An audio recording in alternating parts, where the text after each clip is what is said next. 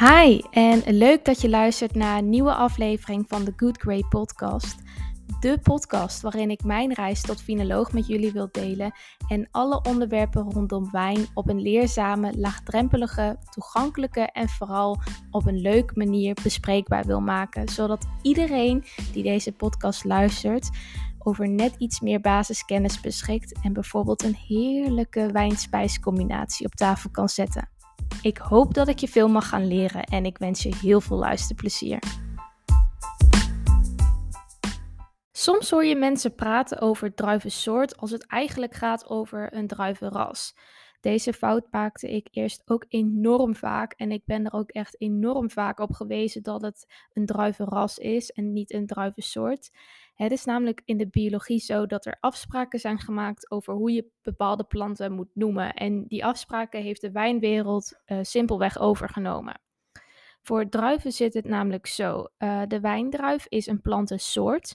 En deze soort kun je verdelen over verschillende, verschillende rassen. Zo is de Chardonnay een ras, Syrah, Riesling, ja, noem maar op. Dat zijn allemaal druivenrassen. Je kan ook druivenvariëteit zeggen. Dat is eigenlijk uh, gewoon een andere benaming ervoor. Zonder druif heb je dus eigenlijk geen wijn. Er bestaan blauwe en witte druiven, tafeldruiven, druiven voor de sier en dus wijndruiven. Wijn mag je van niks anders maken dan van die wijndruiven. Ja, niet van die tafeldruiven dus. Ja, tafeldruiven zijn dus die druiven die je gewoon in de supermarkt kan kopen. Uh, ja, die druiven, daar kan geen wijn van gemaakt worden. Dat is namelijk een andere familie. De wijndruif, de Vitis vinifera, hoort tot de wijnstokfamilie Vitaceae. Wanneer je de kenmerken van de belangrijkste druivenrassen kent, weet je meer over wijn en je zult zien dat het kopen van een fles wijn ineens een stuk makkelijker voor je gaat zijn. Een uh, vertaling van een druivenras vaak ook te vinden is op het etiket van de wijn. Dus als je dan voor het schap staat in bijvoorbeeld een supermarkt of een slijterij, dan kun je de druivenras herkennen door het Franse woord cépage of het Engelse woord variety. Even een leuk wijnweetje tussendoor. Je hebt Merlot en Merlot. Nu hoor jij waarschijnlijk geen verschil, maar staat er een hoofdletter, dan hebben we het over de wijn. En staat er een kleine letter, dan wordt de druif bedoeld. Zonder die wijndruiven is er dus geen wijn. Daarom krijgen de druivenrassen in mijn podcast alle aandacht die het nodig heeft.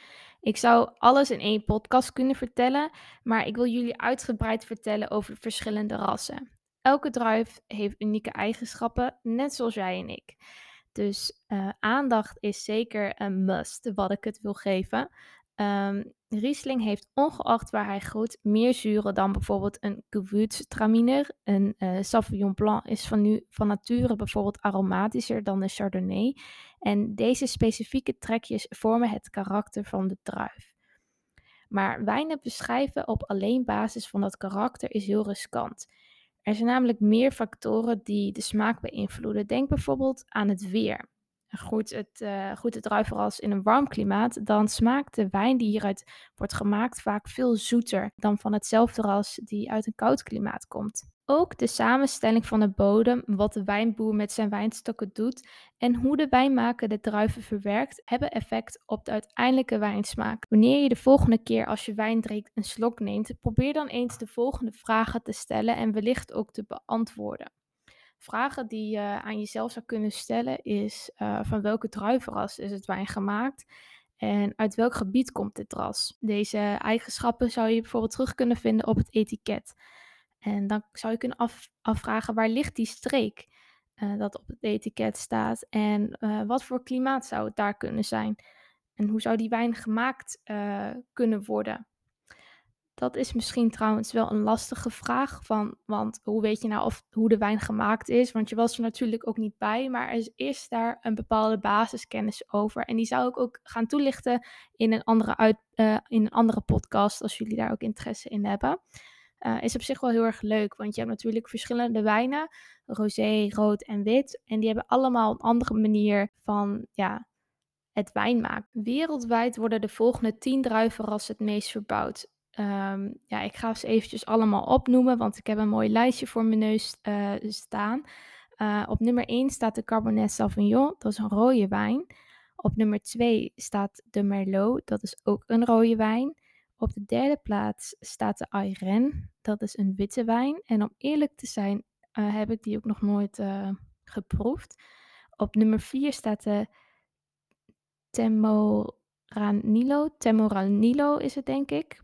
Uh, ook een rode wijn. zoals je kan horen, ben ik er niet bekend mee. Dus ja, dat, dat wil ik graag nog een keer uitproberen als je deze podcast luistert en je hebt een lekkere wijn van de Temmo Ranilo in het assortiment staan, hit me up. Ik zou het graag willen proberen. Of laat weten in de reacties of jij deze wijn al wel eens een keer op hebt en wat je er dan van vond. Op nummer 5 staat de Chardonnay. Dat is een ja, welbekende witte wijn. Op nummer 6 staat de Syrah. Dat is een rode wijn nummer 7 staat de Grenache, dat is ook een rode wijn. Op nummer 8 staat de Sauvignon Blanc, een witte wijn. En op uh, nummer 9 staat de Trebbiano, dat is een wit, ook een witte wijn. En op nummer 10 staat de Pinot Noir, dat is een rode wijn. Acht van deze wijndruiven ga ik behandelen in de komende podcast. Uh, samen met nog ne negen andere uh, druivenrassen. Deze druivenrassen ja, moet ik uh, leren voor mijn tweede uh, wijncursus, de SDN uh, 2. En ja, ik vind het ook wel leuk om jullie mee te nemen in mijn reis tot finoloog. En daar horen deze cursussen bij.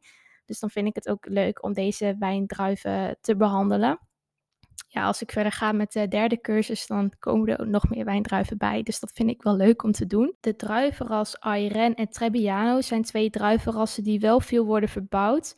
Aangezien ze dus in deze top 10 staan. Maar ze zijn in ons land niet heel belangrijk genoeg. Dat is waarschijnlijk ook de reden dat ik hem ook niet zo goed ken. En om eerlijk te zijn, kan ik mezelf er dan in gaan verdiepen. Ga ik ook zeker wil doen. Maar dan ga ik het nog niet met jullie delen. Want dan ja, dan ben ik alleen maar wat aan het voorlezen. En dat uh, vind ik niet helemaal, uh, ja, is niet de bedoeling van deze podcast. Bij wijn gaat het vaak over de oude wereld en nieuwe wereld. De allereerste keer dat ik dat las, dacht ik, huh? De oude wereld en de nieuwe wereld. Heb je het dan over oude en nieuwe wijn? Of ja, wat betekenen die termen precies? En zit daar nog smaakverschil in? Of ja, let me know. Ik, ik wist het niet.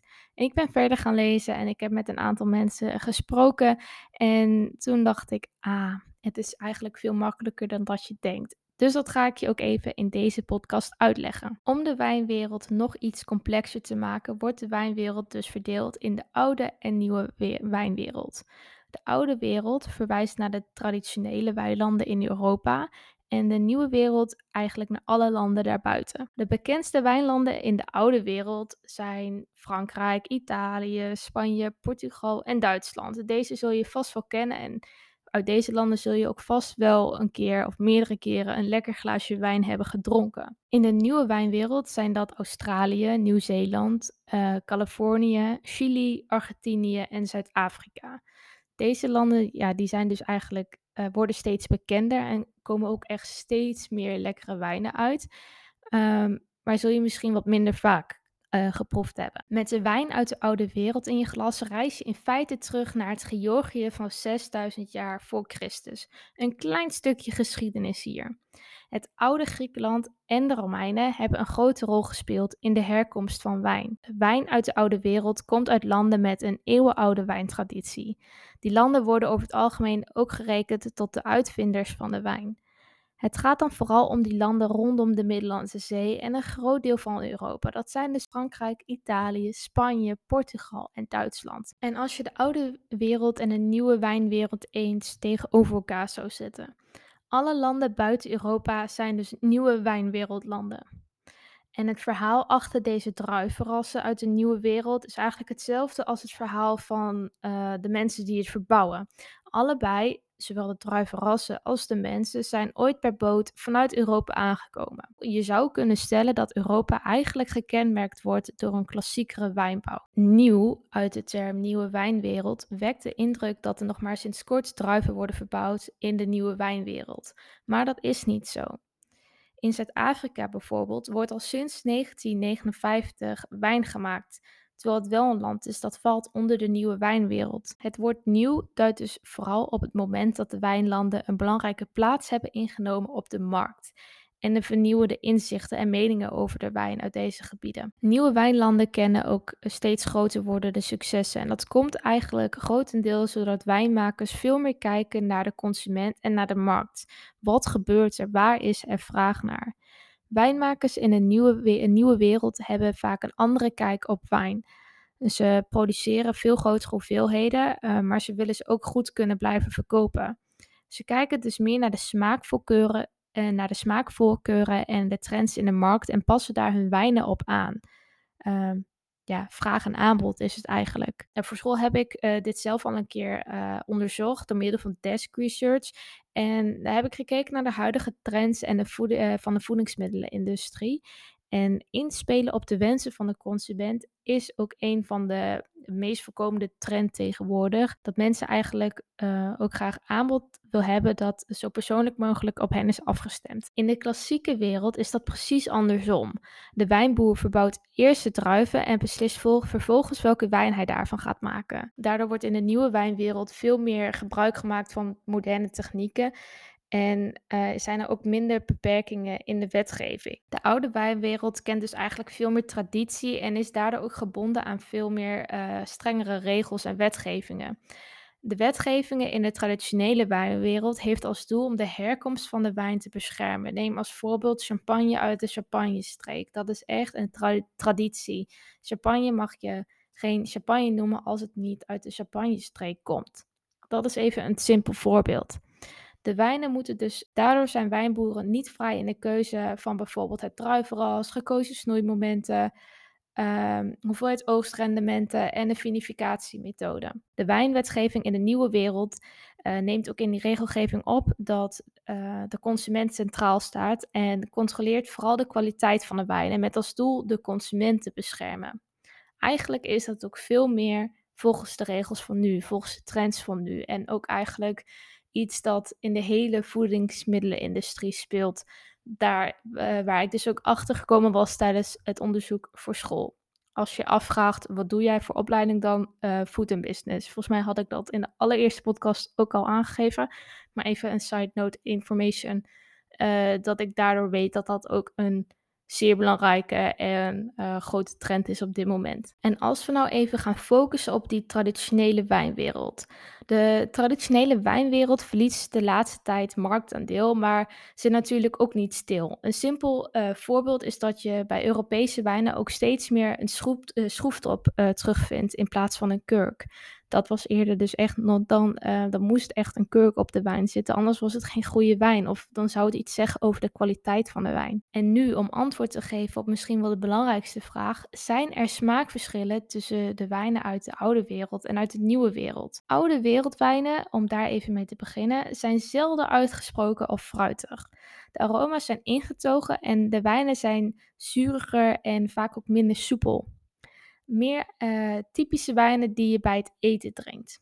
Wijnen uit de oude wereld zijn vaak ook wat lichter van kleur, minder sterk en wat zuurder dan hun tegenhangers uit de nieuwe wereld. Om nu dus even het bruggetje te maken naar de nieuwe wereldwijnen. Um, over het algemeen proef je in de nieuwe wereldwijnen kenbaar fruit terug. Deze wijnen zijn soepel en vol van smaak. Daardoor kun je ze makkelijk zo, uh, zonder iets bij te, bij te eten, gemakkelijk drinken. En wijnen uit de nieuwe wereld hebben daarnaast ook vaak minder tannine en een subtiel restzoetje, waardoor de wijn een stuk ronder en toegankelijker is. Voor een wijndrinker is dit natuurlijk ideaal, maar ik zelf vind persoonlijk um, ja, wijn met een duidelijk karakter een stuk fijner om te drinken.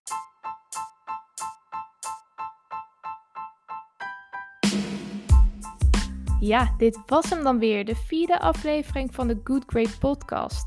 Als het goed is, weet je nu meer over de basis van wijndruiven en weet je een beetje welke wijndruif je kan gaan verwachten in de komende podcast. Eigenlijk dus meer een introductie en daarnaast heb ik je van alles mogen vertellen over de oude en nieuwe wijnwereld. Ik hoop dat, uh, dat je er iets van opgestoken hebt.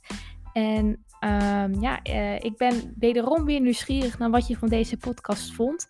En wat jouw uh, kennis al is over dit onderwerp. Laat het mij weten in de reacties of stuur mij gerust een DM op Instagram. Je kunt namelijk de Good Great Podcast en meer over mijn leven ook bekijken op Instagram, emma.tegoede. Hier vind je meer over mijn reis tot finoloog en mijn reis tot het opzetten van mijn eigen merk Le Bon Fino. Uh, ik hoop dat je genoten hebt en ik zie jullie graag terug bij een nieuwe aflevering.